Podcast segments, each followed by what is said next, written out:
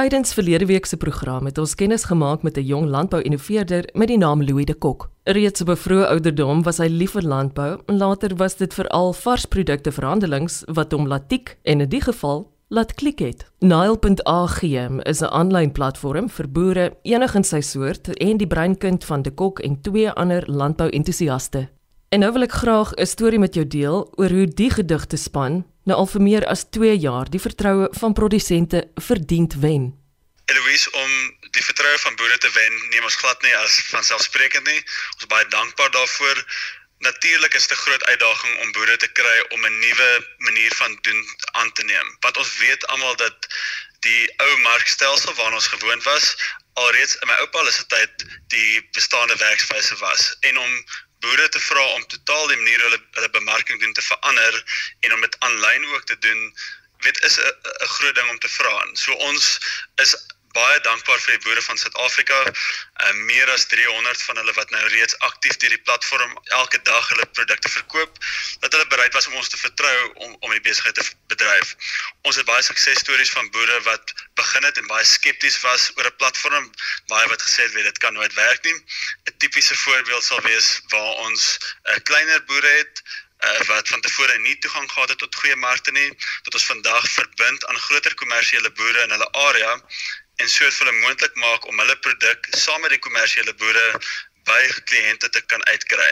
En natuurlik in daai manier gee ons toegang nie net vir groot kommersiële boere nie, maar ook vir klein boere tot die beste potensiële markte vir hulle produkte. En so vir ons is dit baie belangrik om oor tyd vertroue van 'n breë basisboere te wen. Ons wil graag hê dat dit 'n oplossing moet wees wat vir almal tot voordeel kan strek, want ons weet die boere wat vandag die platform gebruik is beter daartoe af. Hulle het natuurlik 'n laer transaksiefooi, so hulle spaar ten minste 5% op hulle kommissies. Hulle kry vinniger hulle geld uit en is ook veilige maniere wat gedoen word. En dan baie belangrik is dit ook sodat die transaksies deur die platform is deursigtig. Want daar is nie 'n manier om die transaksies aan te pas op die platform nie. So wat ook al 'n koper betaal vir 'n produk, is wat die boer uiteindelik uitkry daai het. En die belangrikste ding vir ons bly nog steeds dat die getal tussengangers in die hele waardeketting moet verminder.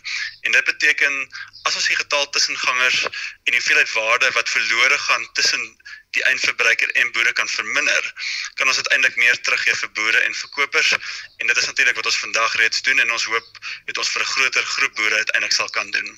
Wat is jou gevoel rondom landbou in die algemeen in Suid-Afrika? Ons almal weet dat boere tans onder geweldige druk is weens die stygings van insetkoste en natuurlik die feit dat die inkomste wat hulle verdien nie ooreenkomstig styg nie. Uit ons oogpunt uit skep dit baie geleenthede want ons besef dat boere moet kyk na ander meer doeltreffende alternatiewe. Natuurlik as dit maklik gaan en die ekonomie goed is, het besighede nie regtig die insentief om te soek vir nuwe meer doeltreffende maniere van besigheid doen nie. En ons sien hierdie as 'n groot geleentheid. Ons sien baie boere wat in die verlede dalk gesê het, weet hulle stel nie belang in 'n nuwe kanaal nie, wat nou toetree en sê wel hulle het amper nie 'n alternatief as om te soek vir maniere om meer doeltreffend besigheid te doen nie. Ons glo natuurlik oor die langtermyn dat die feit dat Suid-Afrikaanse boere innoverend is, die feit dat hulle aanpas, die feit dat hulle nuwe markte betree, beteken dat die bedryf 'n ongelooflike goeie toekoms het en ons is baie opgewonde om saam met boere in hierdie bedryf te groei. Kom ons praat vir 'n oomblik oor die toekoms. Wat lê vir julle voor nou? In die volgende 6 na 12 maande gaan ons 'n groot fokus hê om ons besigheid buite Suid-Afrika uit te brei, om markte oop te maak wat nie van van tevore moontlik was vir Suid-Afrikaanse boere nie. Ons gaan uh, 'n fisiese verspreidingspunt in Kenia staan maak in Nairobi van waar ons die hele Oos-Afrika mark kan bedien. Ons het dan ook 'n sagteware oplossing wat ons vir boere en verkopers gaan bied wat alreeds direkte verhoudinge het. So daar's natuurlik reeds baie boere wat direk verkoop aan supermarkte of aan, aan enige ander tipe kopers. En ons wil ons sagte ware vir hulle beskikbaar stel om daai tipe transaksies meer doeltreffend en meer deursigtig te maak. En so dit is natuurlik bykomend tot die markplek wat ons tans het. En dan is 'n groot deel van ons fokus om te luister na ons boere en om te hoor wat is hulle behoeftes. En met die stygende insetkoste is daar natuurlik baie druk op boere en het ons baie navraag by boere gekry om om te vra is daar nie 'n manier om digitaal insette te lewer aan boere net soos hulle hulle afset deur die platform behartig neem. En so ons is tans besig om te kyk na moontlikhede om met insetverskaffers saam te werk om dit meer doeltreffend te maak vir boere om hulle insette ook deur 'n digitale platform aan te koop. So as redelik baie bewegings binne ons platform. Die uiteindelike doel natuurlik van Nile is dat ons wil hê dit moet een plek wees waar 'n boer die hele bedrywighede kan behartig. Met ander woorde, hulle kan uiteindelik hulle insette aankoop, hulle kan finansiering vir die insette kry en natuurlik het hulle ook dan die vermoë soos hulle reeds kan doen om hulle produkte verkoop deur die platform. Het sy dan deur die markplek of dan aan hulle bestaande kanale maar nog steeds hierdie naalsagte ware vir die funksionaliteit bied om dit meer doeltreffend te maak. En dit is die natuurlik die einddoel waarna ons werk. In die volgende 6 tot 12 maande natuurlik gaan daar nog steeds 'n groot fokus wees op ons kernbesigheid wat aan die afsetkant van die spektrum is. Ons het 'n voorbeeld van 'n boer en 'n dis 'n seun en 'n pa. En die eerste keer toe ons op die plaas gekom het, het die pa gesê hierdie platform sal nooit werk nie. Weet hulle doen al vir 'n baie lang tyd hulle besigheid op 'n manier hoe dit nog altyd bedryf het. En die seun was baie knaand geweest en het die hele tyd vir sy pa gevra, "Pa, maar kan ons nie hierdie probeer nie?" Pa het 'n paar keer gesê nee, dis nie moontlik nie en uiteindelik het die pa gesê wel ons kan dit doen maar jy gaan dit weet bedryf. Pa was baie skepties. Hy het ook vir my na dit gesê hy glo nie weet aanlyn platforms kan werk nie, maar dan nog steeds sy seun wil ondersteun in die bedryf. En 6 maande later het die pa my gebel baie haastig en gevra kan ons asseblief al sy produk bemark van die bietjie produk wat hulle deur ons gestuur het was vir hulle soveel meer winsgewend geweest het hulle besigheid soveel meer lewensvatbaar gemaak en die feit dat hulle kontantvloei vinnig gekry het het dit natuurlik vir hulle moontlik gemaak om hulle besigheid uit te brei vinniger as wat hulle andersins sou kon doen. En dit was die pa geweest wat gesê het ons moet Nel ten alle koste ondersteun en, en die grootste deel van ons afset deur Nel bemark. En natuurlik vir ons was dit besonder lekker om dit te hoor veral omdat dit iemand was wat uitsonderlik skepties was maar aan die ander kant omdat 'n jong seun was wat die waagmoed gehad het om sy pa te oortuig om die platform te gebruik. Ons is natuurlik dankbaar geweest dat hulle waarde toegevoeg het en ook baie gelukkig geweest om te sien hoe die wisselwerking tussen die verskillende generasies daar plaasgevind het. Dieselfde boere dan en natuurlik ook baie van die boere in sy omgewing alreeds na die platform verwys en het vir ons moontlik gemaak om uit daai streek waar hulle besigheid doen 'n groot 'n footprint te kon ontwikkel het oor tyd. Hoe oud is jy, Louis? Ek is 31, Eugenius ook 31 en Rick is 29 jaar oud. En uh, ons is redelik oud binne die konteks van ons besigheid want die gemiddelde ouderdom uh, van ons werknemers by Naal is 25 jaar tans. So dit is 'n redelike jong dinamiese groep mense. Bestaan daar in die buiteland ook sulke e-handelplatforms binne die raamwerk van landbouprodukte en nuwe markte? Voor ons nou begin het dit ons redelik wyd gaan kyk na beste praktyke rondom e-handel spesifiek binne die landbou konteks. Ons het gaan kyk na ontwikkelende lande soos Suid-Amerika. Ons gaan kyk wat aanlyn gebeur in plekke soos Amerika.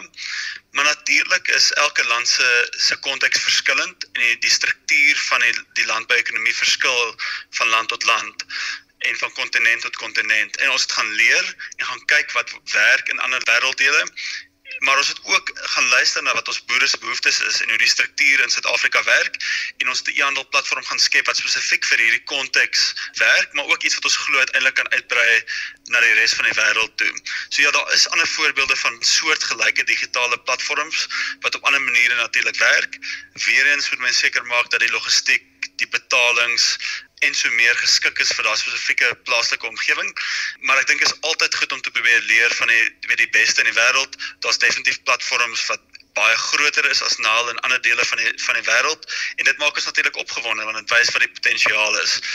Tipies in ander wêrelddele is die fokus op die insetkante. So byvoorbeeld het die Farmers Business Network in Amerika.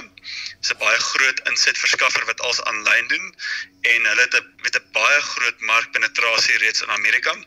In die afsetkant is daar 'n maatskappy in Amerika genaamd ProducePay. Hulle het ook 'n redelike groot bemarkingsveld tog reeds in Suidelike Amerika en dan ook in Noord-Amerika. Dit is die, die voorbeelde wat ons gesien het in ander wêrelddele. Louis, wat is die uiteindelike droom vir Nile.ag?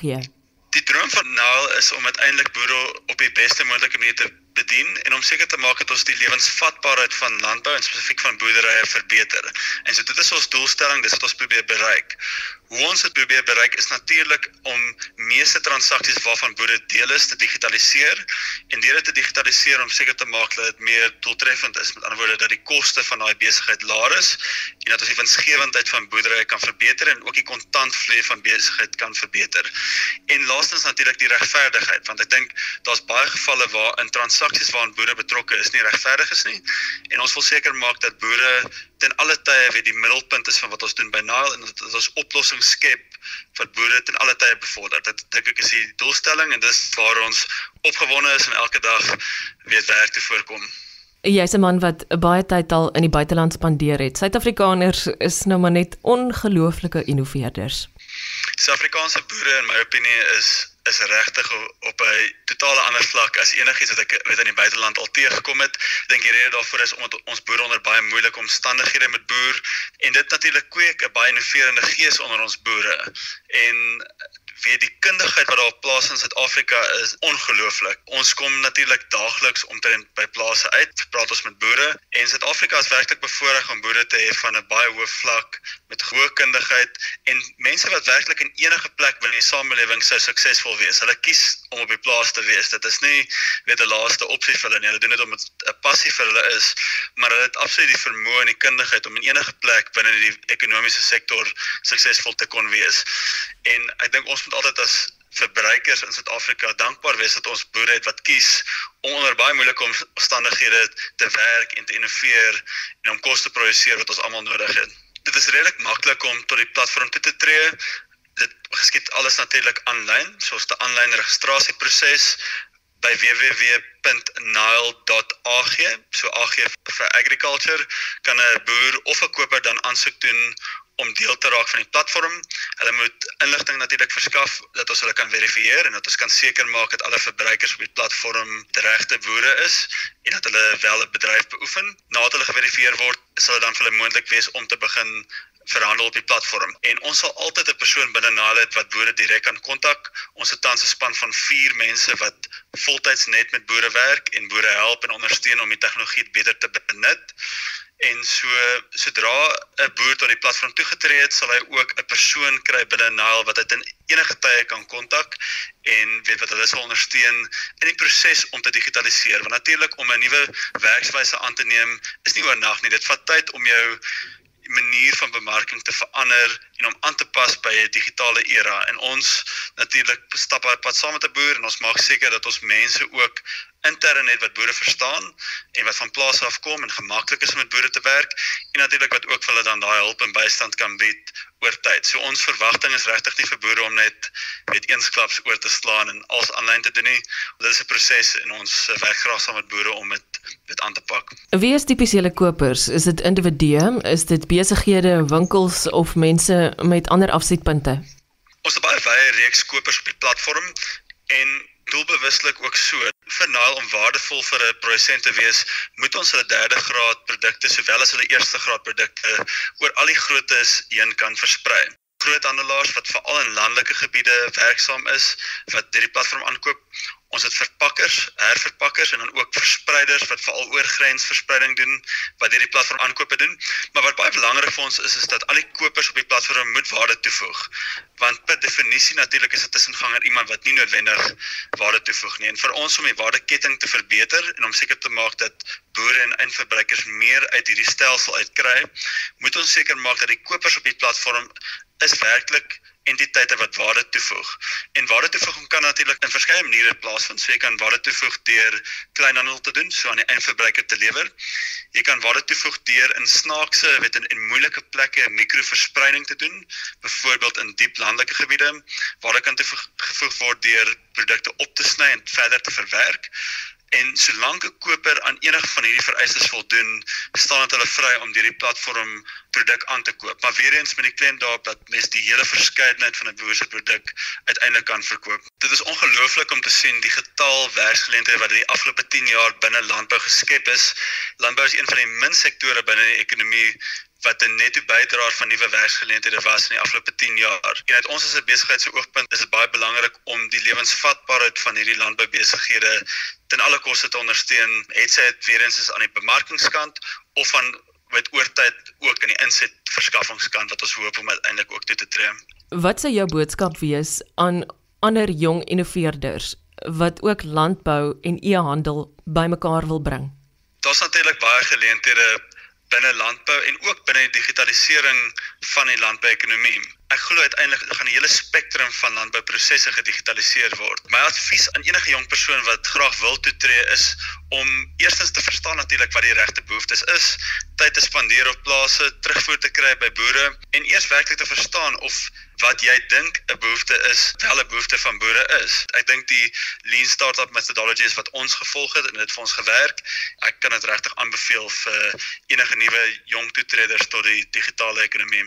En dis met daardie gedagte waarmee ek jou vereers groet. Die storie van Louis de Kok en Nile.ag is een wat jy dalk met iemand anders ook kan deel na jy dit gevind het op RSG se webtuiste. Dankie vir die saamkuier vanoggend. Ek wens jou 'n wonderlike Saterdag en alle sukses vir die week wat voorlê. Totsiens.